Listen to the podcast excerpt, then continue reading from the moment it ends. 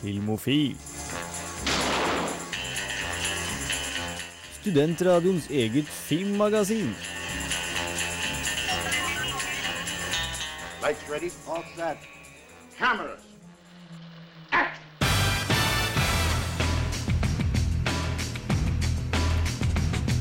Hjertelig velkommen skal du være på denne torsdagen her i Trondheim til Filmofil på Radio Revolt. Programmet for deg som elsker alt som kan krype og gå innenfor eh, de levende bilders fantastiske verden. Mitt navn er Jens Erik Våler, deres programleder for denne torsdagen. Jeg har med meg en eh, frydefull eh, gjeng i eh, eh, studio. Jeg føler meg litt i mindretall, for det er eh, stort sett bare jenter her. Det er nesten bare jenter her, bortsett fra meg. Vi kan jo begynne fra lengst borterst til høyre. Hei, Camilla. Hei sann. Har du det bra? Ja, har det fint. Litt, uh, litt shabby i formen, men eh, sånn ellers veldig bra. Klar for å snakke film i to timer? Helt klart. Nydelig.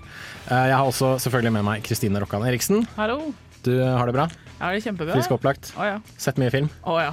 Yes. Eh, og helt til slutt så har jeg med meg Kjersti Nanke, vår fantastiske tekniker. Straight fra Kosmorama. Oh yes! Fordi det er jo selvfølgelig Kosmorama Trondheims internasjonale filmfestival denne uka, så vi skal vie veldig mye av sendinga til akkurat det.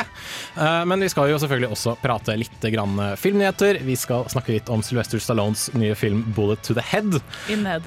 In the head. Ikke to the head, in the head. Ganske sikker på det er in the head. Ok, da sier vi det.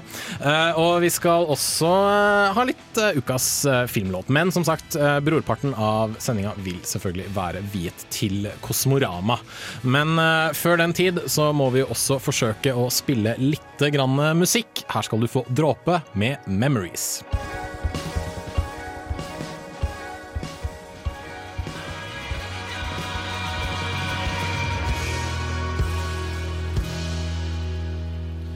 Dråpe med 'Memories' fikk du her på Filmofil. Den åpnet sendinga vår denne torsdagen 18. april. Vi skal gå rett i gang, vi, med litt filmnyheter. Filmofil gir deg nyhender fra filmen og fjernsynets i spanende verden. Og du, Kristine, har en aldri så liten nyhet om Disney og Star Wars. Ja, en, eh, en gladnyhet for de som eh, higer etter masse med flere filmer. Det er det at Disney har nå planlagt og sier at vi skal få en ny Star Wars-film hver sommer fra 2015 til 2019. Så vi skal altså få fire Star Wars-filmer i løpet av fire år. Ja. Wow. Hva tror vi om det? Jeg tror ikke det er gjennomførbart i det hele tatt. Nei, Det tror ikke jeg heller, altså. Nei, det blir utrolig vanskelig. Uh, altså Greit nok at Star Wars på en måte etablerte sommerblockbusteren, Uh, men likevel, det er vanskelig å pumpe ut en hel film hvert år. Uh, Ringenes herre klarte det for så vidt, men de hadde jo tre år med innspillingstid og gjorde ting liksom underveis. Altså, det kan jo hende hvis de gjør som Ringenes herre, at de filmer liksom de tre oppfølgerne da. Samtidig, Eh, samtidig og så mm. har de en annen crew, helt annen production på noen sånn spin og to spin-offer. Kanskje. Samtidig, på en måte. Så da kan det jo gå, men jeg tviler på at de kaster så mye penger inn på en gang uten å se åssen en av dem gjør det, i hvert fall. Ja, men likevel. Da, jeg tror de også tenker at dette er Star Wars, ergo det Ja, selger det er uansett. Mm. Uh, for uh, altså Jeg har egentlig ikke lyst på en ny Star Wars hvert år, men jeg kommer garantert til å se dem. Det er akkurat det som er greia. vet du. Og jeg er så bitter på det faktum. Jeg vet, men også type, hva kan man gjøre? Liksom, det, det er jo enkelte filmer som man protesterer helt sykt mot, men det er Ja. sånn, du vet at du kommer til å se dem. Du protesterer mot at det er tre Hobbiten-filmer, men du kommer til å se alle tre. Ja, ja, jeg gjorde det. Ja, ja, akkurat. Ja, nei, jeg gjorde det, altså. Helt klart. Ja, jeg gjorde det når jeg først hørte om det, ja. Men nå, nå, nå er jeg ikke i tvil lenger. Jeg vil ha masse mer. Nei, Vi ønsker uansett lykke til til Star Wars og Disney. Eh, I andre festivalnytt så kan det nevnes at eh, det store programmet til Cannes-festivalen har blitt eh, sluppet på nettet. Det ble faktisk annonsert i dag i 11-tiden, så dette er eh, veldig veldig ferske nyheter. Eh, på, I hovedprogrammet så finner vi kjente regissører som Cohen-brødrene, Niklas Winding Refn, eh, Steven Soderberg, Roman Polanski, Alexander Payne, Takashi Mike. Det er liksom ikke måte på hvor store navn dette er. da. Men det veldig mange merker seg, er at det er kun én kvinne i hovedprogrammet til Cannes-programmet. Det er veldig deit. Eller Cannes-festivalen. Det syns jeg er litt teit. Sofia Coppola, eller? Eh, det har jeg dessverre ikke i hodet, men Sofia Coppola er med i denne kategorien uh, certain regard, som det heter. Uh, der er det veldig mange kvinner. okay. Men det er kun én kvinne sånn generelt da, i den store hovedkonkurransen, som de kaller det. Det er kjipt. Ja, det er kjedelig. Det er veldig leit. Uh, men ja, vet ikke, kanskje de klarer å bli lagt merke til eh, likevel. Kan jo krysse fingrene for det. Kan også nevne at James Franco, av alle mennesker, har regissert en film No som er i denne uncertain regard-kategorien.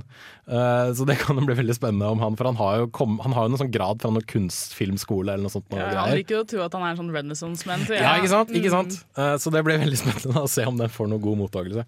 Eh, Men det virker veldig lovende, da, i hvert fall med alle disse store gutta som, som kommer. Og selvfølgelig så blir det jo mye internasjonal film også. Eh, og uh, The Great Gatsby skal åpne festivalen. Det vet jeg du gleder deg veldig til, Jeg Kristine. Den har norgespremiere i juni. Så du må den. Jeg føler at vi har smøre deg litt venta med på den tålmodighet. Jeg, jeg tenkte på i. Vi har venta på den filmen så sy... Eller for, for min del. Jeg venta på den filmen ekstremt lenge nå. Liksom. Jeg husker jeg første gangen jeg hørte om den og begynte å se trailere for den. Må ha vært ett og et halvt år siden nesten. Ja, det er ja, Det er, det er veldig rart. Og så har du liksom visse andre filmer hvor du tenker at oi, shit, kommer den nå? Eksempel Iron Man 3 som kommer neste uke. ja, Ja, ja. Plutselig kom den. Holy shit. Ja, I hvert fall, Cannes-festivalen eh, foregår i eh, mai. Eh, vi skal ikke dit, dessverre. Det, det hadde vært gøy. Ja, det var veldig gøy. Eh, så vi prøver å søke Medietilsynet om eh, penger til Cannes-festivalen eh, neste år. Ja.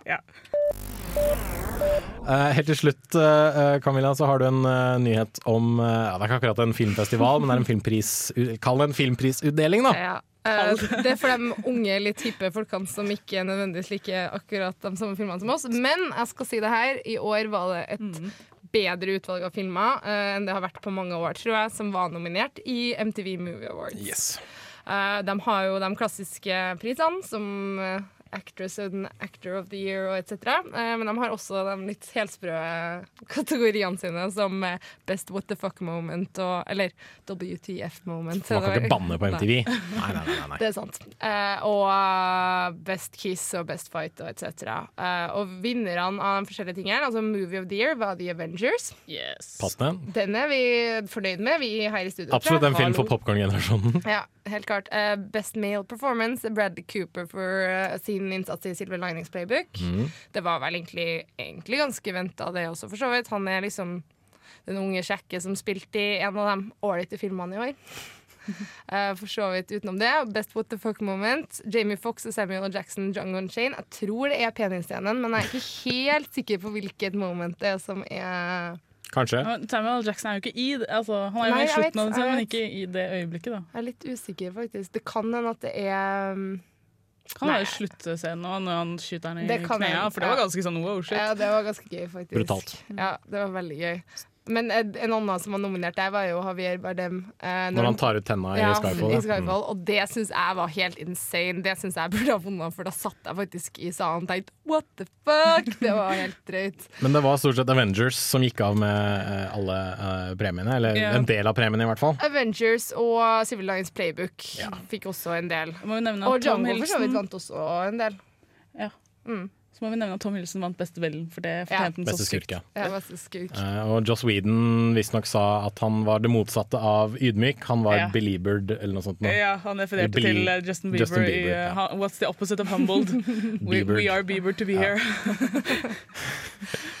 Gratulerer til vinnerne, i hvert fall. Det var første runde vi hadde av filmnyheter. Her skal du få Sidebrok Hovdebygda.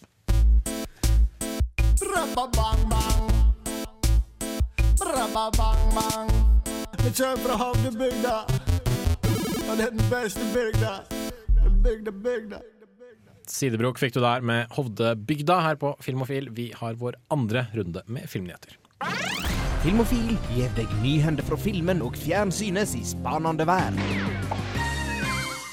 Og Kristine, du har litt eh, nyheter om den nye Ninja Turtles-filmen. Ja, jeg har en, eh, en casting-nyhet. Nå begynner vel å alle komme på plass, tror jeg. Ja, Men De nå- fire skilpaddene er på plass. Eh, April O'Neill er på plass. Ja. Så da mangler vi liksom Shredder, Splinter og liksom Casey Jones og de gutta der, da. Ja, nå har vi i hvert fall fått en eh, Master Splinter, og det skal være Danny Woodburn, som er en a little person, er det man sier, som politisk korrekt. Han, han er kortvokst, Ja, også, er vel kanskje ordet på norsk. Ja, kjent for eh, Han var med i Mirror Mirror, den siste Snehvit-adopsjonen.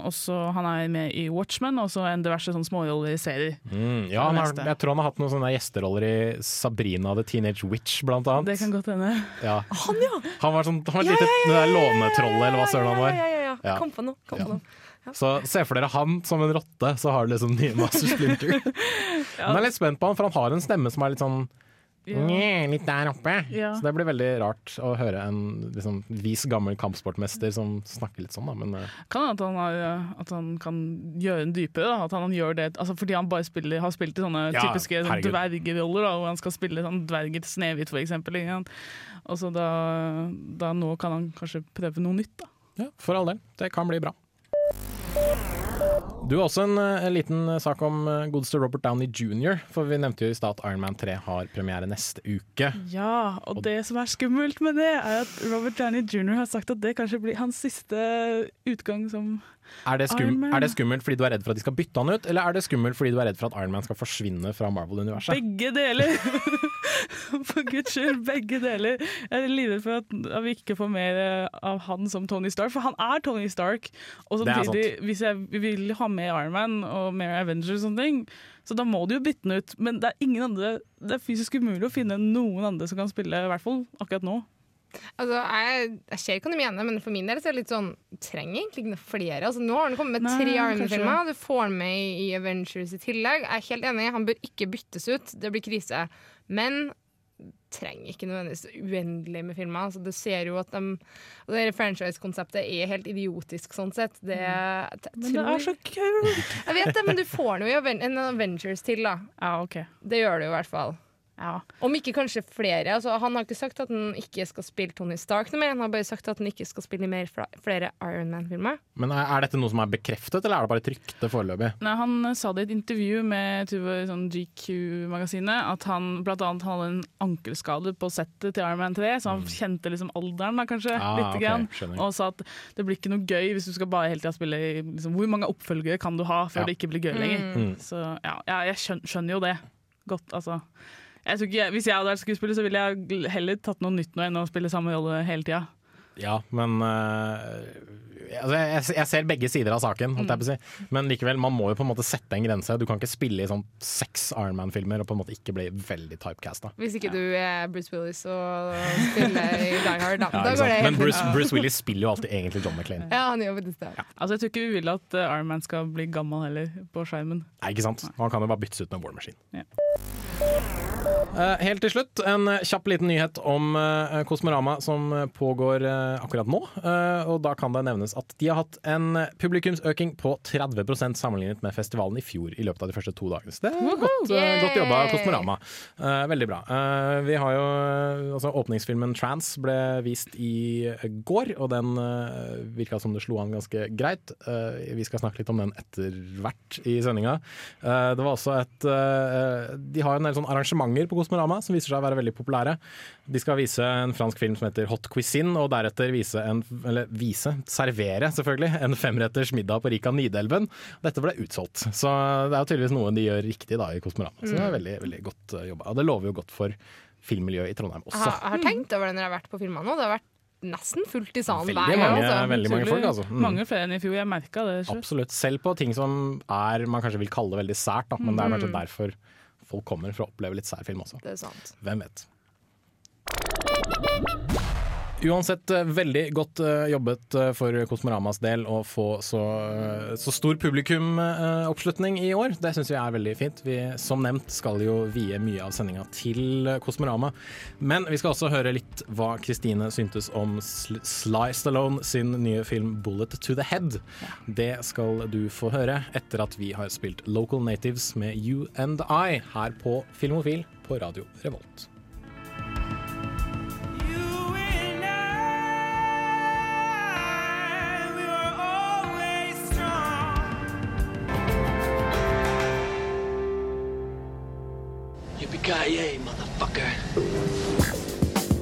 Du lytter til Filmofil på Radio Revolt.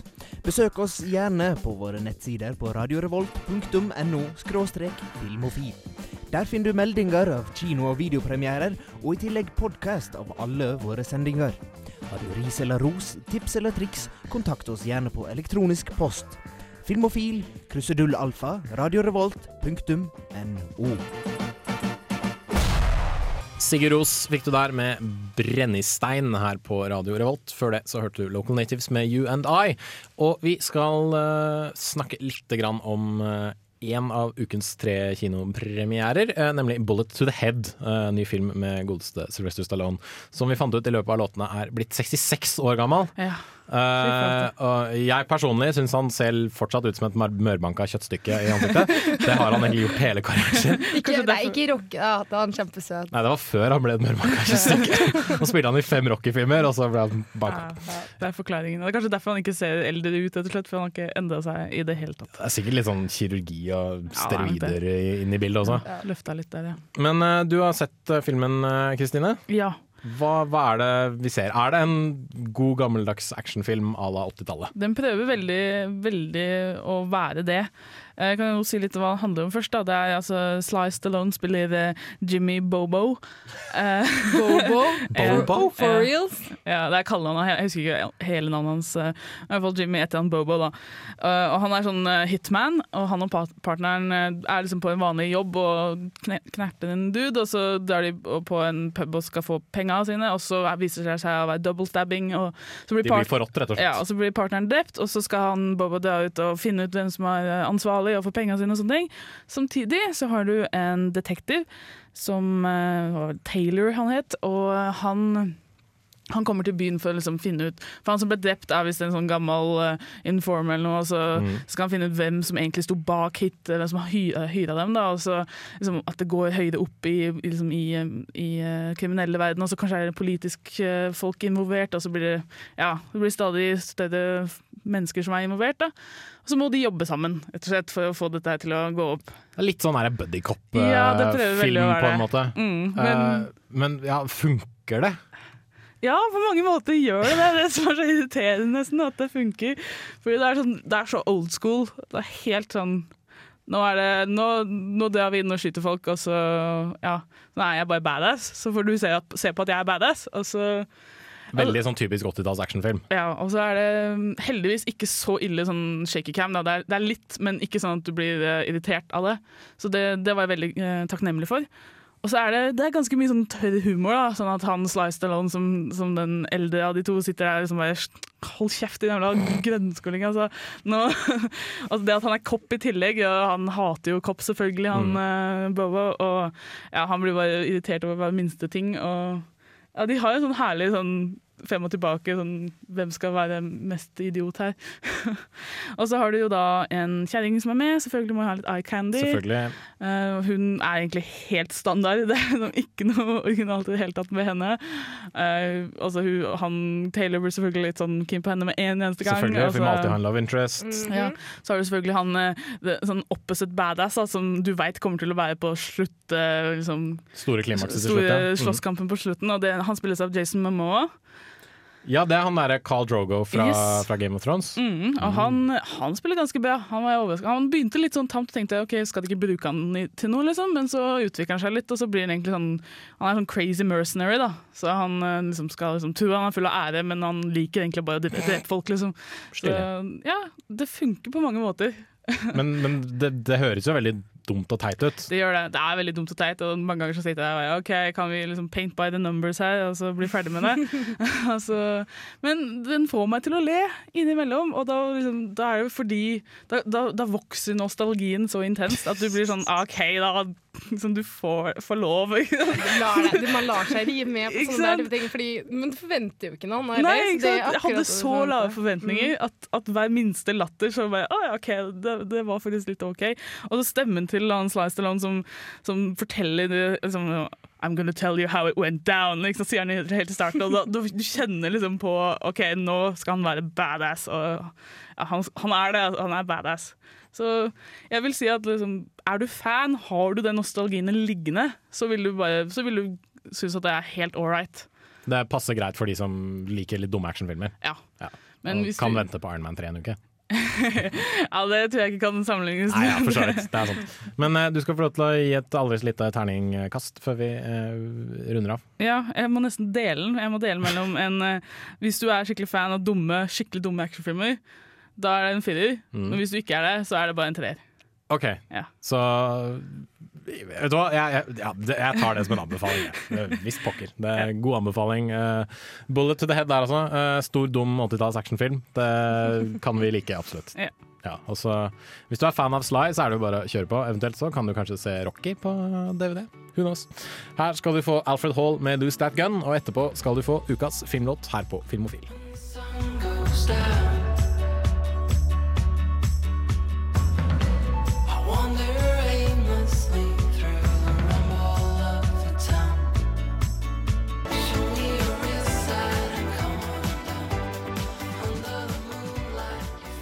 once then. Det er jo alltid å ha musikk når den er påtent. Helst noe indisk eller pakistansk. Ukas filmlåt. Det stemmer. Vi eh, må selvfølgelig ha en ukas filmlåt i denne sendinga også. Eh, du hørte forresten Alfred Hall i stad med 'Lose That Gun'. Og jeg gir ordet bare rett til deg, Kristine, fordi det er du som har tatt med deg ukas filmlåt i dag. Det har jeg gjort, vet du. Og jeg har gravd fram en låt fra en av mine absolutt favorittfilmer, tror jeg. Mm, kult, det kult. er eh, selveste Snatch Snatch er bra. av uh, Guy Ritchie. Snatch er veldig bra. Guy Ritchie er bra, han liker vi. Han elsker jeg, alle filmene hans. eh, og jeg digger Snatch spesielt fordi det var den første av hans filmer jeg så. Eh, og den er, den er awesome hvis ikke folk har sett den, så få ræva i gir og se den med en eneste gang. Det er den der Brad Pitt spiller Ja. sigøyner. Pikey. Pikey, ja. Ja, han han, hans dialekt i den filmen er spektakulær. Helt altså. fantastisk. Det er herlig. Og du har uh, selvfølgelig Jason Statham òg. Det var der jeg først oppdaga han i tillegg. Så ja, den filmen har gitt meg mye gle mange gleder. Mm. Jason Statham sånn. Som spiller Jason Statham, som han alltid gjør. ja, han spiller, ja, det er så mange herlige quotes fra den filmen som jeg alt, aldri kommer til å glemme. Sånn, altså, Before the Germans Waiting for what? The Germans! Ikke sant? Og nei, jeg kommer alltid til å Og i tillegg, da, filmmusikken Mm. i den filmen er genial. Det er så mange herlige låter. Og jeg har henta da eh, den første, åpningslåten, fordi den setter tonen med en gang. Og det Ja. Den, den er bare Altså, det er en montasje. Når du begynner og du blir kjent med alle karakterene, så er det bare helt sånn overveldende. Men pga. musikken og alt flyten, så er det bare Du blir ført veldig fint Veldig og godt inn i Mm. uh, filmen. Det, det høres veldig stille ut. Vi skal få høre Clint med 'Diamond' fra Snatch, ukas filmlåt, her på Filmofil.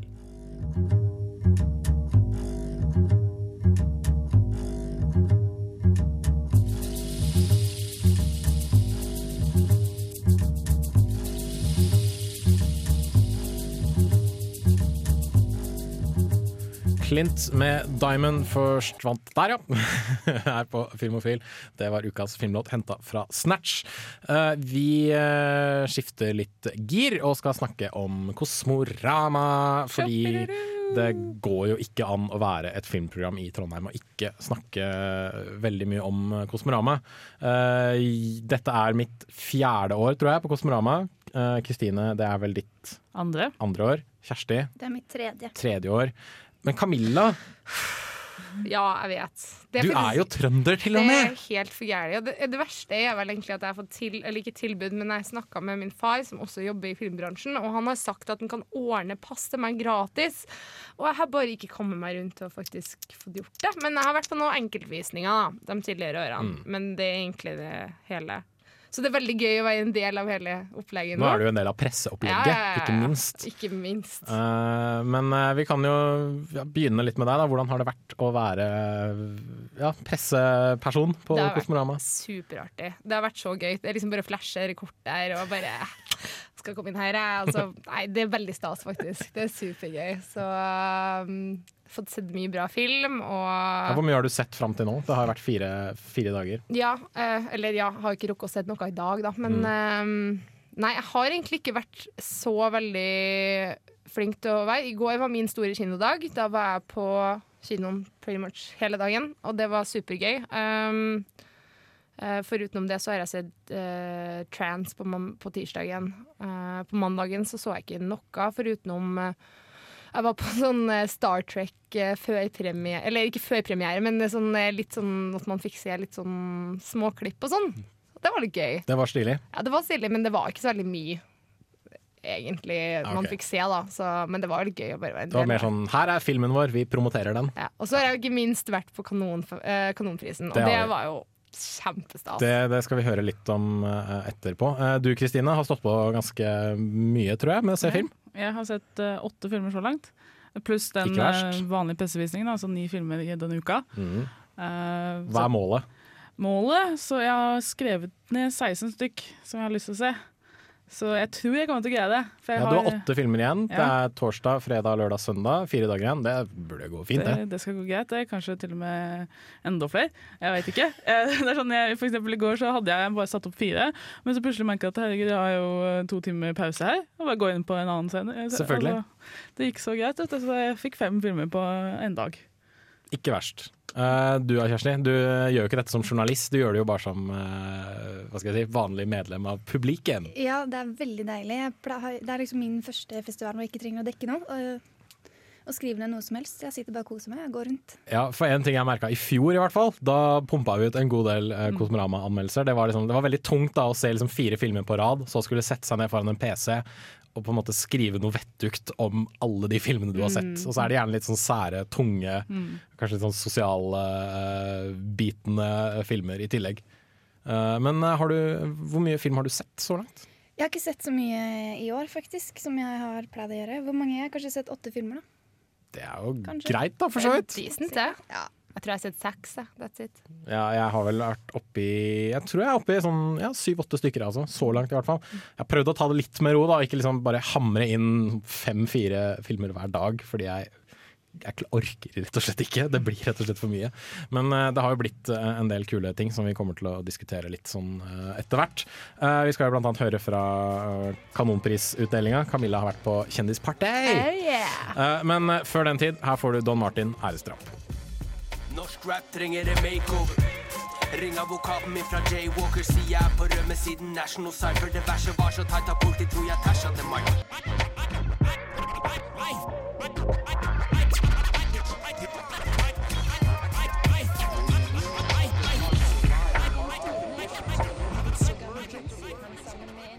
Don Martin fikk du der med æresdrap. Vi diskuterer Kosmoramafestivalen, Kosmorama-festivalen, og eh, Camilla har vært på kjendisparty. Yes. Eller kanonprisutdeling, da, og så kanskje litt kjendisparty etterpå. Det var veldig gøy. Um, vi kan jo egentlig gå over det mest praktiske først, da, som er liksom Hvem som har vunnet. vant. Ja. det tror jeg vi kan gjøre. Uh, det var helt klart som du ser meg og Kon-Tiki som var de store vinnerne. Uh, de stakk av med fem, Som forventa, kanskje? Ja, veldig. Som forventa. Uh, stakk av med fem priser hver. Og Kompani Orheim stakk av med begge beste hovedrolleinnehaverne, både kvinnelige og mannlige. For det var til til Kristoffer Joner og Cecilie A. Mosli. Mm. Eh, den har jeg faktisk ikke sett. Så det, Det har ikke jeg heller, men Gaute så den. Han likte den eh, veldig godt. Ja, OK. Kjempebra. Eh, sånn at um, At det var antageligvis vel fortjent, det. Um, Forutenom det så gikk beste regia til Dag Johan Haugerud som for Som du ser meg. Eh, jeg var faktisk på den Du var vel den på den du også, hvor det var Q&A. Ja, det var jeg, med de andre filmstudentene i Trondheim. Jeg syns han var så sjarmerende. Han var sånn, sånn sky og stille og lot egentlig han produsenten snakke mest, mens han står for både regi og manus, sånn Mm. at uh, det var veldig imponerende.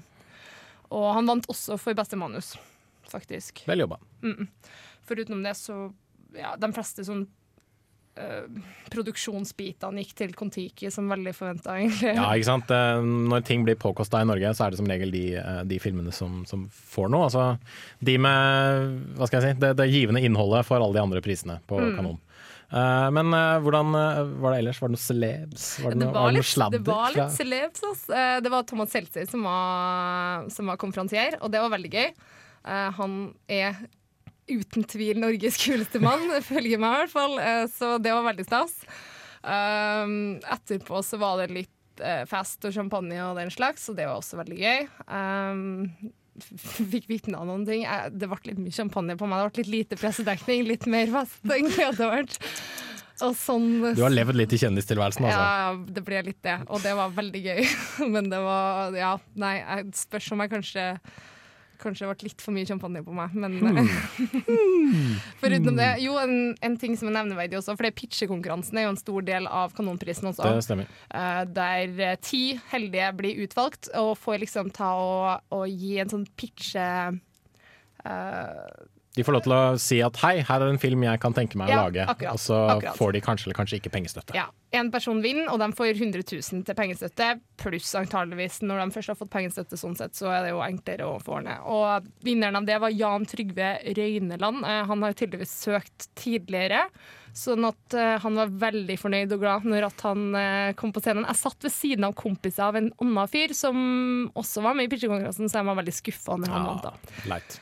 Eh, men, uh, men det var litt artig plott. Nå husker jeg det ikke helt sånn, sånn, sånn eh, til hver detalj, men det gikk ut på at en 80 år gammel veteran uh, blir trukket tilbake i i liksom noe skummelt noe, og må reise ned til Nigeria, og, og der får han bruk for sin gamle kampsporttaktikk og sånn. Nei, det hørtes helt crazy ut. Det høres ut som en blanding av Rambo 4 og eh, den derre Å gud, hva heter den filmen?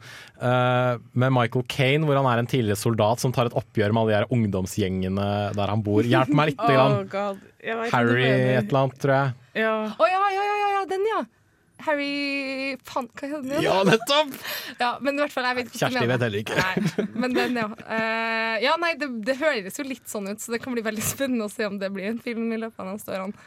Um, Foruten det så var jeg vitne til litt sånn diverse andre ting som skjedde under påvirkelse av alkohol. Jeg skal ikke, skal ikke nevne navn nå, men det var veldig mye Det var en sånn eh, litt voksen produser til en av de største, største filmene, og som, eh, som kom i litt hets med en av eh, Ble det slåssing? Nei, det Ah, bare ah, sto med masse skjellsord til hverandre. Shit. En av dere unge NRK-hipster... Ring, se og hør! Kom En av de unge NRK-hipsterne, og han drev og sa liksom at, at, eh, deres, at vår generasjon, ikke, ikke til meg, da, vi sto faktisk hadde en ganske bra samtale okay. når mm. sånn, den her kom. da. Og det var sånn, ja, dere hipstere er liksom det som er gærent med vårt samfunn, og ditten og datten. Så det var faktisk fryktelig morsomt. Fy flate. Dramatisk på kjendisfest, altså. Ja, ja, altså, Ja, ja. det var gøy. Og så Nei. Jeg vet ikke helt hva jeg skal si. Nei, nei, herregud. Jeg, jeg syns vi offisielt kan krone Camilla til liksom offisiell kjendisfestreporter i Filmofil. For dette er andre kjendisfesten du har vært på. Ja. Jeg syns du, du, du klarer deg bra. Det virker, ja. Selv om det kanskje blir litt mye champagne. Litt mye champagne hver gang, men det skal jeg finpusse nå, så, så det blir bedre. Nydelig. Da tar vi et eh, lite musikalsk avbrekk og hører Kurt Weil, 'Never Run Away'.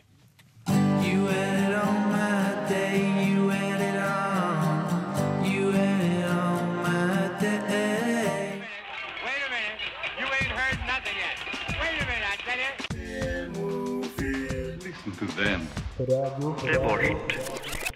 I love, I love, I love my calendar girl. There we go. Woo shake! Der hørte du Shaky Grains, 'Calendar Girl'. Woo, shake! Uh, uh, og du, eh, Kristine, har sett en film på Kosmorama som heter så mye som 'Stoker'. Yeah. Fra den uh, koreanske regissøren Chan Wook Park. Ja, som uh, har stått bak Oldboy, uh, Thirst blant annet, og litt sånn diverse andre filmer som har vært Mm. veldig godt eh, mottatt. Men dette er, hvis jeg ikke tar helt feil, hans første eh, hva skal jeg si, kall det vestlige produksjon, Mm. da, med, eh, eh, med engelsktalende skuespillere og Ja. sånne ting. Stemmer det. Det er, eh, det har hun Mia Wasikowski, til. Wasikowska, Ska, ja, det er, Tror jeg. Ja, det er Wasikowska. sikkert. Uh, I hovedrollen så er også Matthew Good uh, og Nicole Kidman. Mm, ja, Så- god, god skuespiller. Ja, absolutt. Alle gjør fantastisk jobb, eh, bare så det er sagt med en gang. Uh, Stoker er, um, er historien om eh, altså en familie hvor faren dør, og dattera India, som spilles av Mia, og eh, moren eh, de får da plutselig besøk av Uncle Charlie, eh, Mm. som har visst vært på ja, jordomseiling. Jeg var aldri helt klart hva han egentlig gjør. Jordomseiling i 2013, OK? Ja, ja, han, har liksom, han reiser hele tida. Han har akkurat kommet tilbake fra liksom, Europa. Han har akkurat vært i India, altså, han har vært overalt. Ikke sant? Eh, og han er med en gang liksom, Det er noe rart med han. Ja. Altså, han er sånn, du, du dras inn mot han, men du vet ikke helt hvorfor eller hva han vil, eller hvorfor han er der. Og India, hun liker han ikke, men samtidig hun kan ikke motstå han, på en måte, i Mm. tillegg. Så det blir veldig sånn Blir sånn inn- innlede forhold til, eh, til både moren og datteren-type film? Ja, litt, eller? det hinter til det, i hvert fall. Ja. At det er det Han, han flørter veldig med mora, og mora liksom ser på han som en slags yngre versjon av hennes avdøde, mann. Eh, hvor de kanskje hadde litt problemer i ekteskapet. Eh, så, i tillegg, altså, ikke sant? så da er det bare sånn åh, yes. eh, bedre versjon. så, og så har men liksom, hver gang han klemmer moren, eller noe, så ser han alltid liksom, over skulderen hennes på India. Ikke sant? Så du får sånn der Jeg, Jeg veit du vil ha meg-opplegg. Uh, men jeg jeg har sett et par altså Jeg har blant annet sett Oldboy og Thirst, og de, de er litt sånn kalde, veldig sånn stilrene uh, filmer. Er det, er det sånn i Stoker også? Uh, det er veldig Det er en veldig helt klar stil da, ved filmen, kan du si. At uh, huset de bor i er veldig sånn, er veldig sånn dukkehusaktig. Nesten. Det er stort og utrolig vakkert, og de bor liksom i sånn eh, Ikke i en skog, kanskje, men i hvert fall et veldig sånn naturskjønt område. Uh, så de bor liksom vekk fra folk, da. Uh, og klærne til hun er veldig sånn dukkeaktig. Hun har alltid liksom de samme type sånne blå og hvite sko, som hun har hatt samme type gjennom hele livet sitt, da, bare større og større. Så hun virker som en veldig sånn dukkekarakter, da, med sånn perfekt mørkt, eh, langt hår og perfekt liksom hvit, helt sånn porselenshvit hud. Uh, så det er, også måten det er filma på, er veldig ja, det er, det er veldig stilrent. Og lyddesignet, ikke minst, må nevne. Det er, eh, det er helt vanskelig å beskrive det hvis du ikke har hørt det, men det liksom, alt føles som en helhet. da. Ok, mm. Eh, Så det var veldig fantastisk vakkert å, å se på. Det er det, ja. Ok, eh, Mm. Så dette er en film du anbefaler til andre, kan jeg tenke meg? Å ja, absolutt. Eh, Den er, den er sånn uhyggelig vakker. At den er liksom, fordi du har han, han Matthew Good er så altså Jeg har til nå sett han i sånn type søte, uskyldige roller, da, bortsett fra Watchmen, men da er han sånn klassisk ond, så han er liksom ikke creepy. Men her, første gang han smiler til India på sånn skikkelig sånn åh, nå, nå Nå, du nå sånn kommer jeg og tar deg, liksom? ja, eller nå, nå, nå faller du inn i min felle. Og da fikk jeg gåsehud med en gang. For jeg, liksom- han, er så, han er jo så pen å se på, liksom. Han er ikke, han er ikke kjekk, men han er liksom pen. Eh, så med det liksom, utrolig creepy smilet, så får du sånn OK, skal jeg synes det er pent, eller skal jeg frike ut nå og løpe i andre retningen? Du, du, får den der, Hmm. du kjenner det sånn som India, da, at hun, hun, hun veit han er skummel, men hun liker han for det. Det er sånn jente, jente liker en badboy-type eh, Ikke bad boy, bare sånn voksen. Han er jo Eller jente, jente liker mystiske menn, Ja, det- som kanskje er litt farlige? Ja, det, kanskje det går litt i det. Og hun, helt klart, hun vekkes, altså hennes kvinnelighet da, blir liksom vekk, våkner. Det er ikke sånn at uh, dette er mannen som skal gjøre meg til kvinne incestuøst opplegg, eller? Ikke, helt- jeg, skal jeg har ikke lyst til å spoile så veldig, men uh, du har liksom hint til det. i hvert fall. Det er en uh, sånn type pianoscene hvor han liksom spiller med henne og sitter altfor nærme til at det skal være riktig. liksom. Og, og, det, og da ser du veldig Jeg føler jeg blir ubehagelig bare av å høre om filmen. Du, du ser at de er i slekt, for de har liksom helt lik farge av øye, og de er veldig sånn typiske liksom, veldig lange, streite neser, og det er sånn i formen av ansiktet er veldig likt. Så du ser klart at disse her personene er helt er veldig nært beslekta, men så har du den intense sånn, seksuelle atmosfæren i den scenen, så det er veldig sånn wow, hva faen. ja. Nei, men, eh, ja, det var, det var, Dette høres ut som noe man bør se. ja. Eh, eneste jeg skulle, liksom, Hvis jeg skulle hatt en skikkelig kritikk, så var det liksom de siste to minutta. Det føltes som en litt sånn OK, det var jo predictable. Eh, litt sånn Hmm. cop-out på- helt på slutten. Men ellers så var det Men den holder ting gående helt opp til det, liksom? ja, fordi du var veldig sånn OK, hva er det egentlig han vil, og hvordan er det, hvorfor reagerer hun sånn som hun gjør det? Hvorfor, som du har sånn hele tida hva er det han vil, men samtidig OK, helt klart han vil noe helt creepy, liksom. Så du, du veit det er noe creepy, men du er ikke helt sikker på nøyaktig hva det er. Så det, er- det er veldig spenningnivået er ganske høyt hele tida. Stilig. stilig. Eh, klar anbefaling av eh, Stoker der, altså. Jeg regner med at den kommer til å få eh, kinodistribusjon i Norge. Det Mm. vet jeg Thirst eh, fikk. Og han er eh, ja, godt kjent, i hvert fall for noen, han godeste Chan Wook Park, så dette kan jo absolutt virke lovende. Så får vi se litt hvordan det går etter hvert. Her får du Dandy Distorted, The Dancing Show.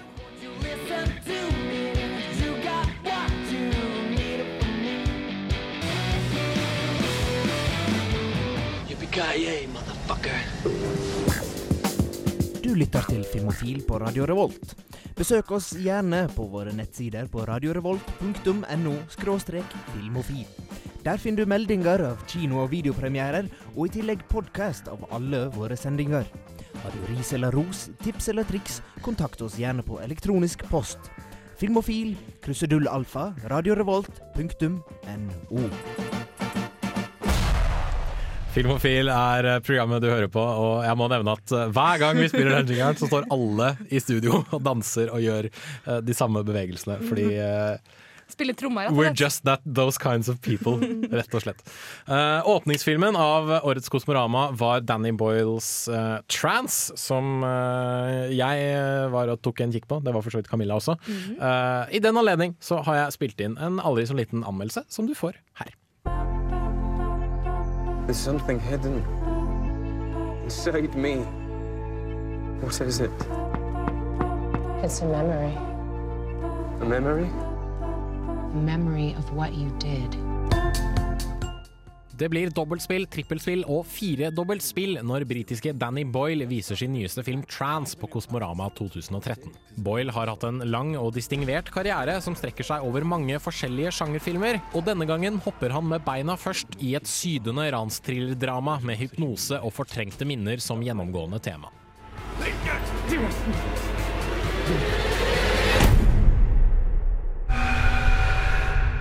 No piece of art is worth a human life.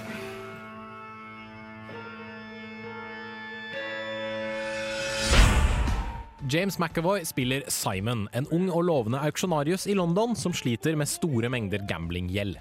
Han griper sjansen til å bistå en gjeng kunsttyver med å stjele et berømt maleri, men når ranet går skeis, får Simon seg en kraftig dunk i skallen og glemmer hvor maleriet er gjemt. Løsningen er selvsagt at Simon må sendes til hypnoseterapi, slik at de glemte minnene kan komme til overflaten. Men det er mer ved terapeuten Elizabeth, spilt av Rosario Dawson, enn man først skulle tro, og det viser seg at også Simon har flere fortrengte svin på skogen. It's not real. He wants the painting for himself. I don't believe that. Where is it? Why did you lie to me? Filmen begynner ganske bra, med en gjennomgang av sikkerhetsrutinene Simons auksjonshus går gjennom under et ransforsøk. Dermed ser vi hvordan tyvene klarer å undergrave og snu opp ned på alle sikkerhetstiltakene som iverksettes. Som åpning fungerer det godt som en introduksjon til filmens verden, samt figurene som befolker den. James McAvoy er sjarmerende som alltid som ung og eplekjekk spradebasse, i hvert fall i begynnelsen, og Vincent Cassell virker i sitt ess som lederen for kunsttyvene. Åpningen er i tillegg stilfullt klippet, med flere handlingstråder som veves sammen til et fornøyelig klimaks. Dessverre begynner ting å skrante når Simons terapitimer begynner. Det viser seg at han har en slags mental blokkasje som hindrer han i å huske det han har glemt. Elizabeth begynner dermed å integrere seg mer og mer i ransgjengen, og før du aner ordet av det, er det vanskelig å holde styr på hvem som manipulerer hvem, og hva som faktisk skjer i handlingen. 5% of the population can be described as extremely suggestible. What can he make them do? Anything. Simon, close your eyes. Filmens manus forsøker tappert å holde publikum på pinebenken og serverer stadig nye vridninger i handlingen som den raskt bortforklarer med pseudomedisinsk sjargong. Dessverre er det utrolig enkelt å se i hvilken retning filmen skal gå. Helt til slutt baller det stadig på seg til alt sammen kollapser som et enormt korthus i et audiovisuelt slitsomt antiklimaks.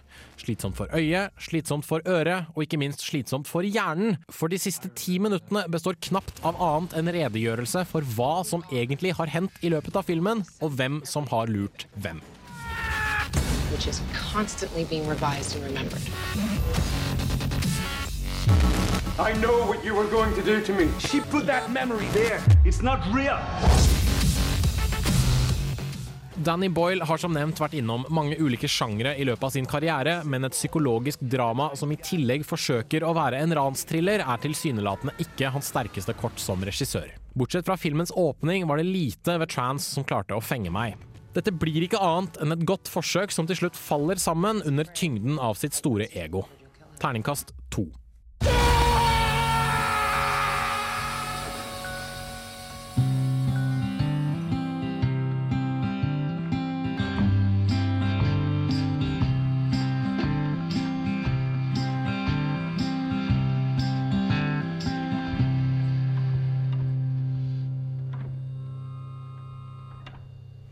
Pistol og bart hørte du der med uh, Amerika, og før det så uh, anmeldte jeg Trans, og det likte ikke Camilla. Jeg står bare og rister på hodet. Jeg skjønner ikke hva som skjer med øynene hans. Nei, jeg, uh, jeg var litt usikker på om jeg i det hele tatt skulle gi den en terningkast, i og med at det er en festivalfilm. Men det, det, det, ja, det, det hamra litt til slutt inn på en ja, litt sånn sterk toer. Jens Erik var ut akkurat når vi, han, det terningkastet ble trilla. Og do. Jeg, bare ble Jeg har ikke hørt anmeldelsen din før akkurat nå. Og jeg utbrøt eh, eh, Hva faen, er du på syre, eller? Altså, jeg skjønte ikke helt hva greia er. Og det er en ting at du ikke ikke digga filmen, men det er noe med sånn at når at den innfyller dem og de kravene, på en måte, og den er liksom ordna på en bra måte Du sa jo til og med liksom innledningsvis at det var veldig bra innledning, Ja, det liksom men resten er ikke noe bra. Nei, Er ikke nødvendigvis særlig bra. For ikke å snakke om de veldig altså Michael Bay-inspirerte nivåene av fargekontraster som hele filmen er stappfull av. Liksom, hvis, du er, hvis du er lei av å se moderne actionfilmer som er fullt av blått og oransje i hvert eneste bilde, så tror jeg du kommer til å irritere deg grenseløst over trans. Uh. For det, det merka jeg var ganske slitsomt å sitte og se på. Liksom, å ja, det er enda et eh, liksom, høyoppløselig bilde med veldig mye blått og litt oransje. Eventuelt veldig mye oransje og litt blått.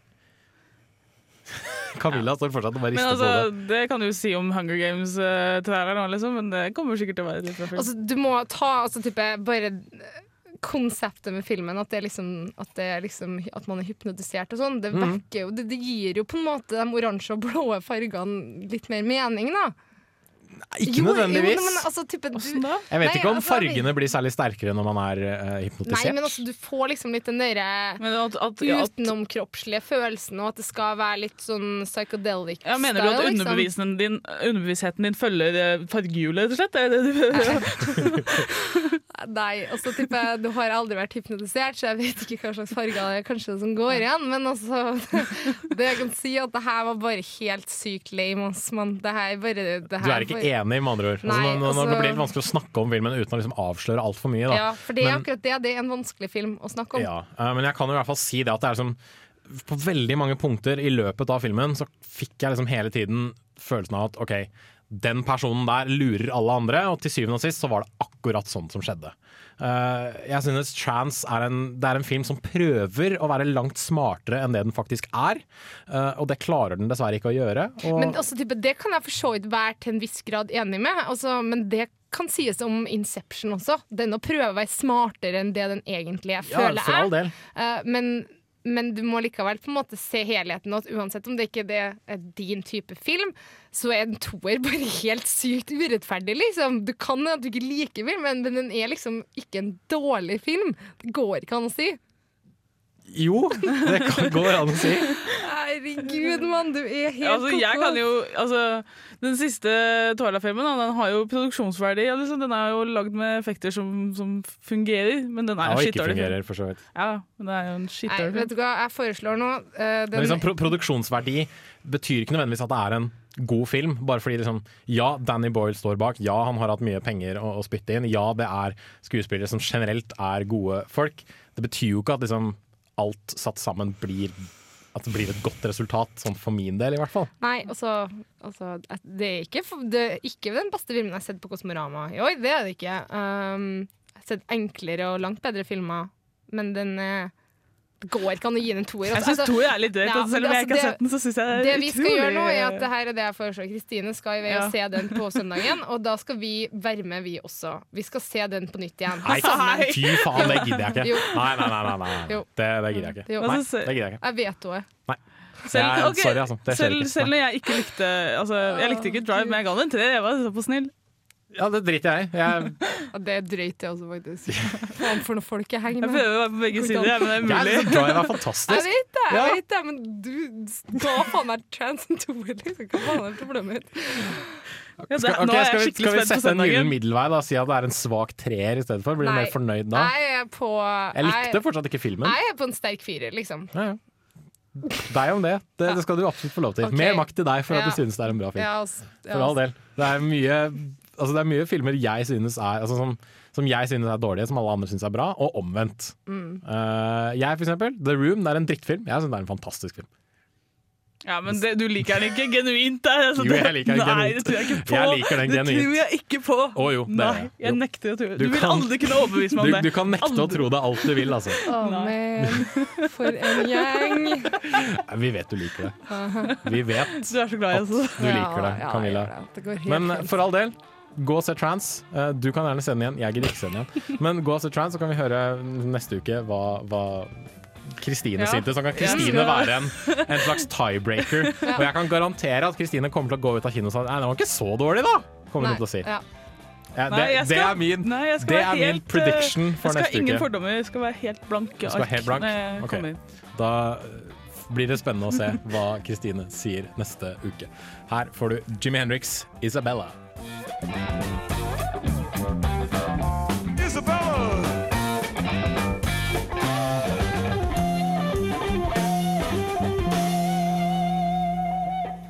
Hei, jeg er eh, Agnes Kittelsen, Og jeg er Aksel Henning, og det er viktig at eh, dere hører på Filmofil. filmofil.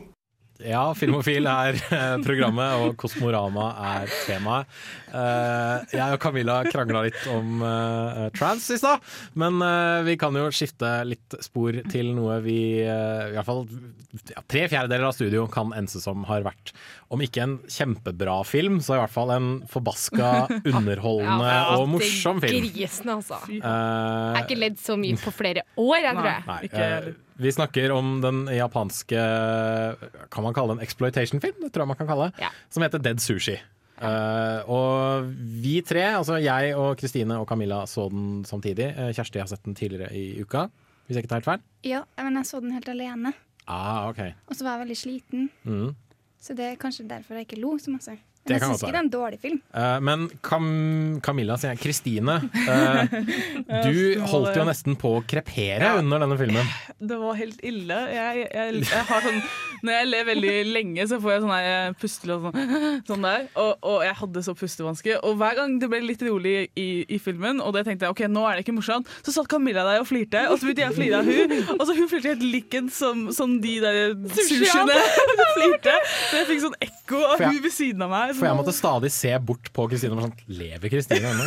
Jeg var helt okay. død. Jeg var ja. dead sushi på slutten. Altså, det var helt Skal vi ta en liten introduksjon Vi kan gjøre det. først? Dette er en uh, japansk film uh, som handler om sushi. Som handler om uh, altså sushi som blir levende. Altså en monstersushi, rett og slett. Fordi det får noe sånn eh, virus injisert i seg. Uh, og så er det en uh, jente som har vært opplært av sin far til å bli sushikokk. Som uh, må stoppe dette her da, fordi hun jobber på et vertshus der disse sushiene oppstår. Og så er det en mann med et fiskehode og en øks. Og veldig mye kampsport. Og veldig mye sånn melodramahumor. Og altså, Kristine ler bare jeg forteller om det. Det er helt sykt. Og attpåtil eh, så er jo denne filmen regissert av en fyr som tidligere har stått bak pornofilmer. Og det føler jeg forklarer en god del. Yes! Nå kom det! Ah. Da skjønte vi plutselig alt.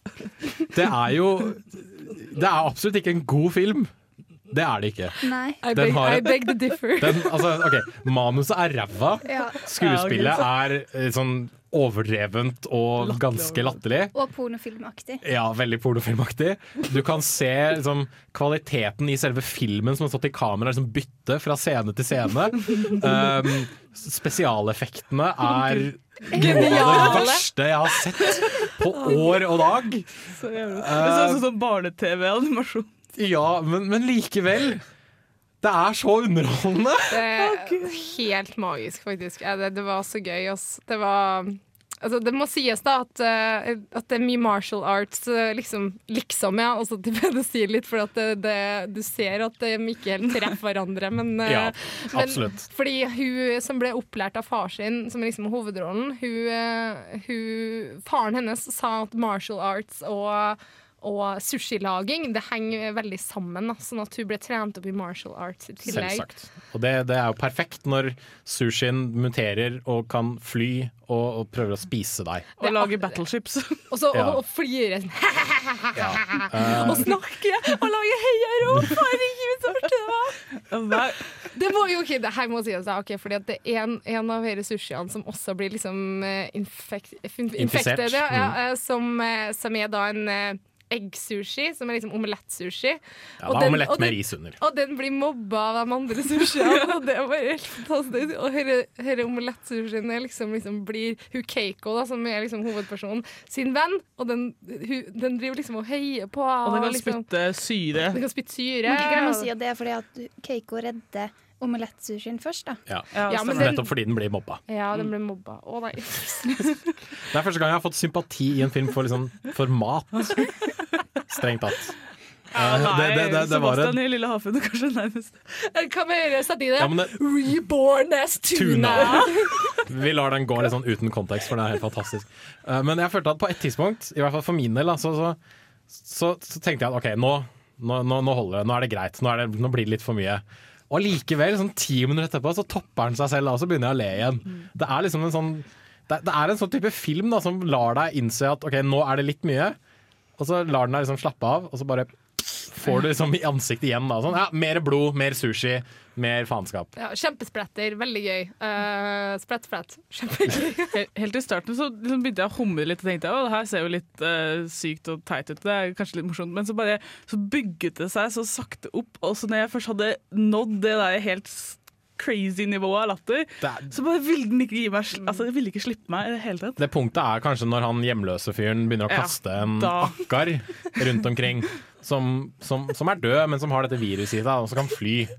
Og kappe folk, hod, folks hoder av, og det er ikke måte på. Må ikke glemme å si at han eh, hjemløse fyren, han er en, eh, en hevngjerrig Tidligere forsker, ja. Han er er badboyen som blir som reborn tuna. serumet. Ja, Mm. eh, han har jo lagd dette zombie-serumet. For det er alltid et serum som, som en eller annen eh, farmasøyt har utviklet når du lager en zombiefilm. Eh, og eh, ja, jo, herregud, zombier dukker opp også, for disse menneskene blir jo til sånn ris-zombier. De begynner å kaste opp masse ris, og så har de liksom ris rundt munnen. Og i Japan, hvis du blir zombie, så kan du tydeligvis også få ganske kraftige ja, kampsportferdigheter. Uh, men det blir jo et helvetes bra klimaks av dette her. Det gjør det. For eksempel. Og eh, liksom nunchako-pinner lagd av sushi, og en tidligere sushikokk som har knivfobi. Og når han da må ta en kniv for å liksom kutte opp et stykke sushi, så vet han liksom ikke hva han skal være redd for først, da, om det er kniven eller sushi. Knife sushi, knife sushi! Ja. Bare japansk, da, selvfølgelig. Jeg ønsker jeg kunne ha japansk, så jeg kunne uttale noen av de tingene som blir sagt. Altså. Men altså, nå står vi her og flirer veldig mye, og det er klart det er gøy for oss som har sett den, men vær så snill å dra og se den her. Ja. Og gjerne i fellesskap med noen andre, fordi det var sårt å se den med dere to. Bare, bare prøv å liksom unngå å spise sushi etter filmen. Jeg jeg tror aldri jeg kommer til å spise sushi igjen. Aldri? Heldigvis liker jeg ikke sushi. Nei, jeg er ikke så veldig glad i sushi, så det er egentlig ikke et sånn stort tap for meg. Men det er litt spennende, fordi i fjor så, så jeg en film som heter Giro Dreams of Sushi, som var en dokumentarfilm. Eh, Kjersti har sett den. Er nydelig film, ikke sant? Ja. Kjempenydelig film. Den, jeg, altså jeg spiser ikke sushi, jeg syns ikke det har så veldig mye for seg, men den gjorde at jeg fikk lyst på sushi. Eh, men da jeg så Dead Sushi, så fikk jeg ikke lyst til å spise sushi igjen noen gang. Det, Så, vær så snill, så jeg tror hvis, hvis du er glad i sushi og skal se Dead Sushi, se Giro Dreams of Sushi etterpå. For da liksom får du, du, får liksom, du får balansen igjen, da, tenker jeg. Ja. Uh, ja. Men det var bare Kristine var det- ikke å slutte å le. Ja, det er helt sykt. Du tenker på alle de små øyeblikk. Jeg tror Mitt favorittøyeblikk var egentlig da de plutselig fikk sånn død eks-makima med at han plutselig kunne skrike så høyt at de daua. Altså, Ja, det- det var- Da satt jeg og bare måpte. At det går an å finne, å finne på det. At han av alle ting som skulle plutselig komme sånn, som redning, da, som plutselig, sånn, sånn som det jo måtte skje Så er det at sushikokken har liksom Så- sterke så lydbølger. Hva med når eh, sushi, sushien parer? Og det, Ja, masse det, sushi det var Minisushi. Det, det tror jeg var det beste. Altså. Altså. må vi prøve å ikke avsløre altfor mye av Og filmen. det Da. var ikke som andre sushier, for de kunne ikke kaste men, flammer. men nå tror jeg ikke vi skal si mer om filmen. Okay, altså. okay. Ja. Det er en film som altså Hvis du liker mye sær film, og film som har mye liksom, eksess, altså mye altfor mye av altfor mye av Ja. alt, ja, så tror jeg Dead Sushi er den, tingen, den filmen du bør se på Kosmorama. Mye nakne damer, og det er jo det, Nei, faktisk ikke. Det var bare Nei, én naken dame. Eh, Ja. Nei. Det var én. Det var en naken na- dag. ok, men- Resten hadde på seg bikini. Ja, det eller undertøy. Men det var eller- veldig artig med hun nakne dama som bare sånn ah, 'Håper ingen står her og ser på meg, da hadde jeg vært nådeløs'. La, la, la. Hvis det er noen perverse bak meg, så skal jeg kalle, Så skal tilkalle jeg drepe politiet. deg mot tilkalle politiet. hei, hei, ikke avslag Ikke avslør okay. Vi vi må gå litt grann, eh, videre og kanskje eh, prate om litt, eh, kanskje litt mer alvorlige filmer også.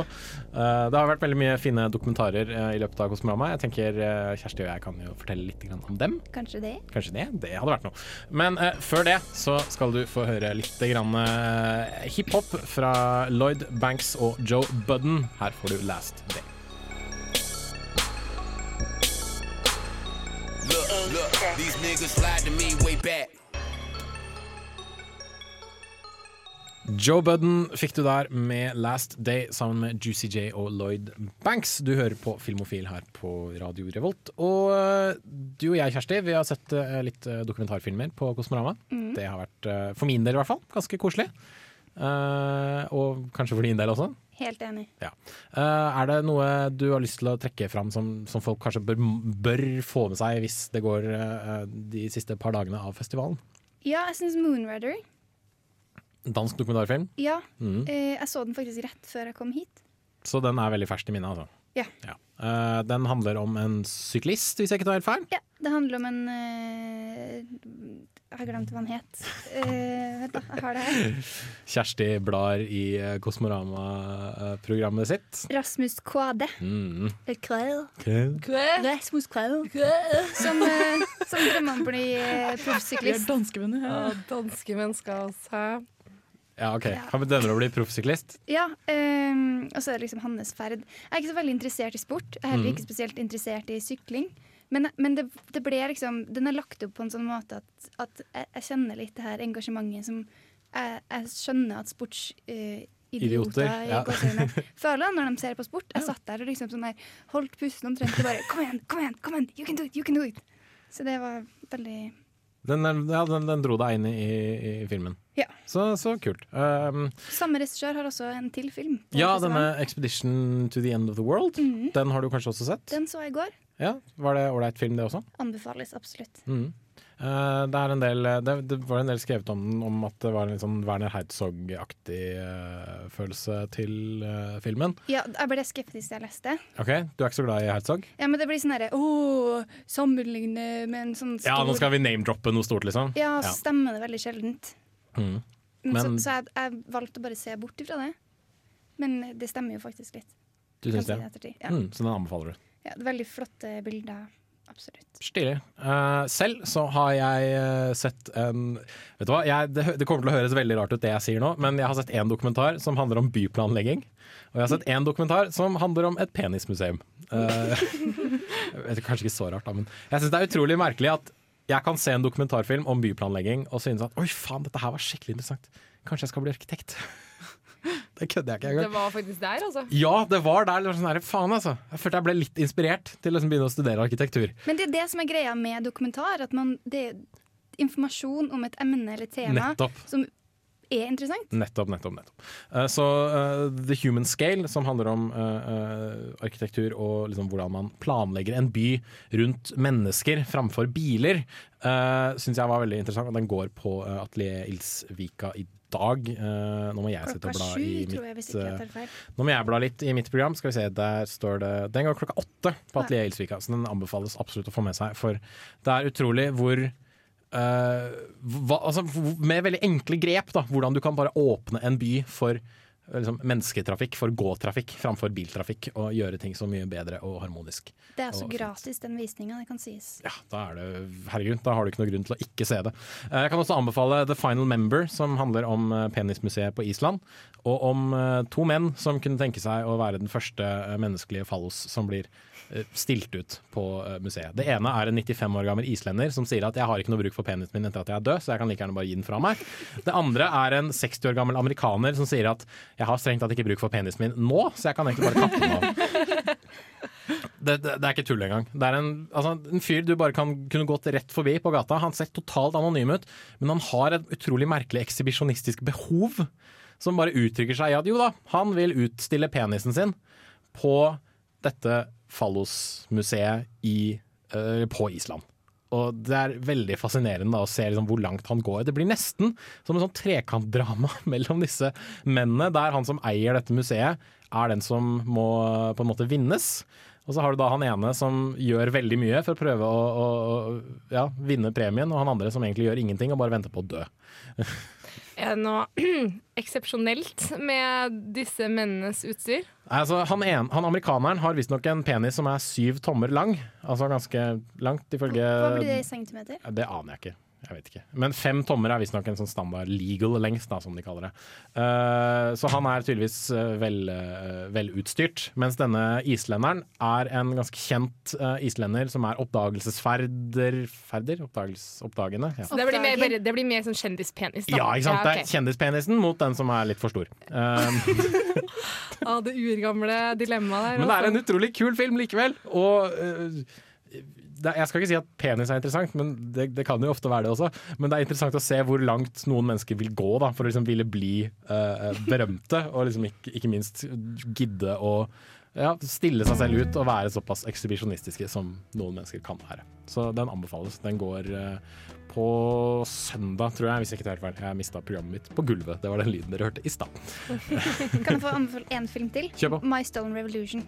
Da anbefales den også. Her får du Towns Van Sant, Lungs. Well, won't you lend your lungs to me?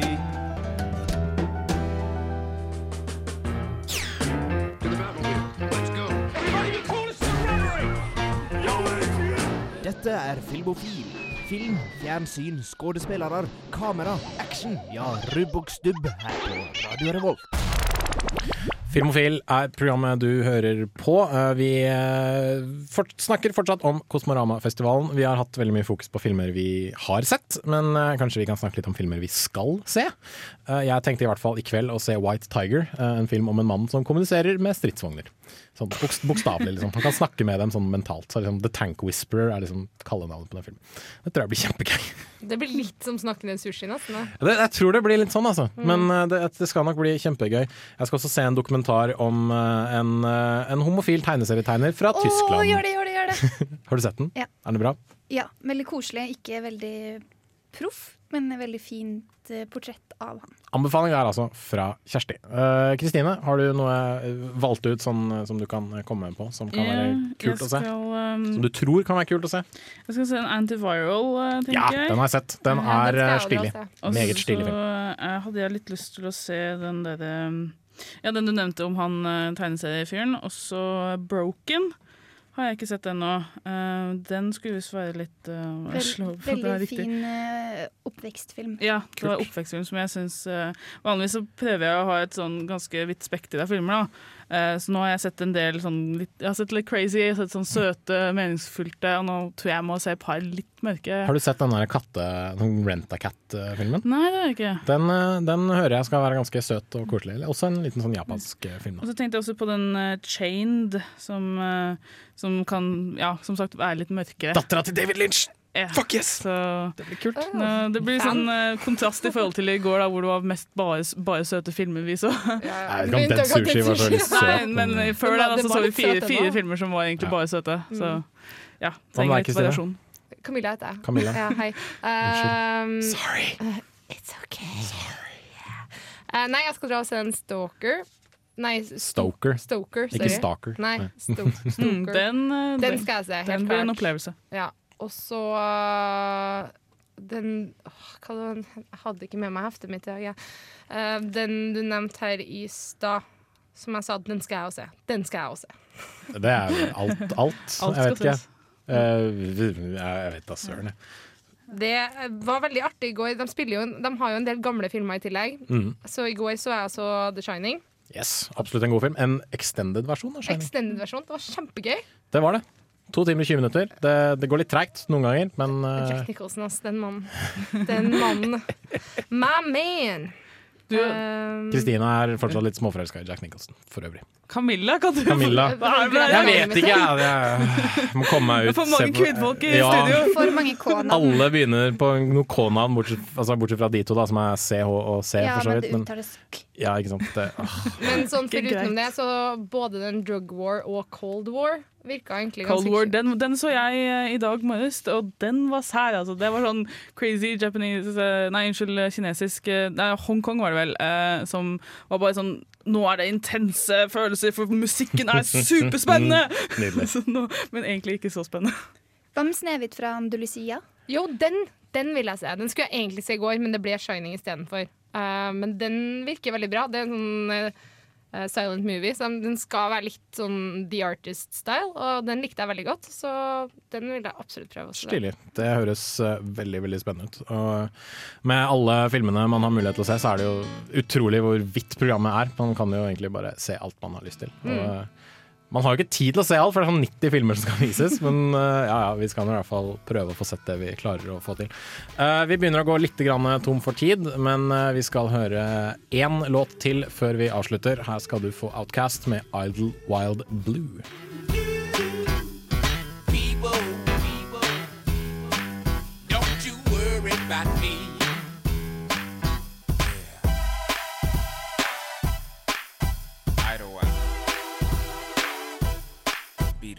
Outcast fikk du der med Idle Wild Blue her på Filmofil på Radio Revolt, som dessverre går mot slutten. Vi har uh, snakket veldig mye om Kosmorama i dag. Det har vært uh, gøy, Ja! syns jeg. Tida har flydd sånn. Mm. Uh, og vi skulle gjerne ha snakka litt mer, men kanskje vi kan ta en liten sånn oppsummering neste uke også. Det hadde jo Jeg tror vi må gjøre det. Det er fremdeles ganske mye filmer som skal Ja, herregud. sees og vises denne uka. Selvsagt. Eh, og eh, nei, man får ikke tid til alt, men man gjør det man får tid til. Godt sagt.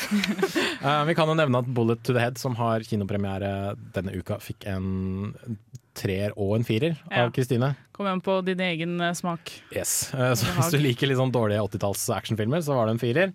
Hvis ikke, så er det en treer. Okay, bare for å sette det i perspektiv, vi har altså gitt gamle Sly Stallone eh, en treer slash firer, faktisk. Og så har vi gitt Trans, en ganske Jeg ålreit film, en toer. Ja, det kan diskuteres, og det har vi diskutert. Uh, så med mindre du vil ta det utafor og begynne å slåss. Ja, Det skulle jeg betalt for å sett, for å si det sånn. Det hadde vært noe morsomt. Da hadde jeg gitt en femmer.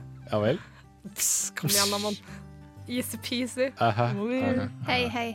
Nå er vi alle venner, ikke noe slåss. Ja, ikke sant. Eh, vi har vært Filmofil. Jeg er Jens Erik Våler. Jeg har hatt med meg Kjersti Nanke i teknikerbordet, eller bak teknikerbordet. Camilla Klein og Kristine Rokkan Eriksen. Vi skal ut og se på kino, så vi eh, ses kanskje der. Her får du Iron and Wine, Caught in the Briars. Ha det bra. Fallos.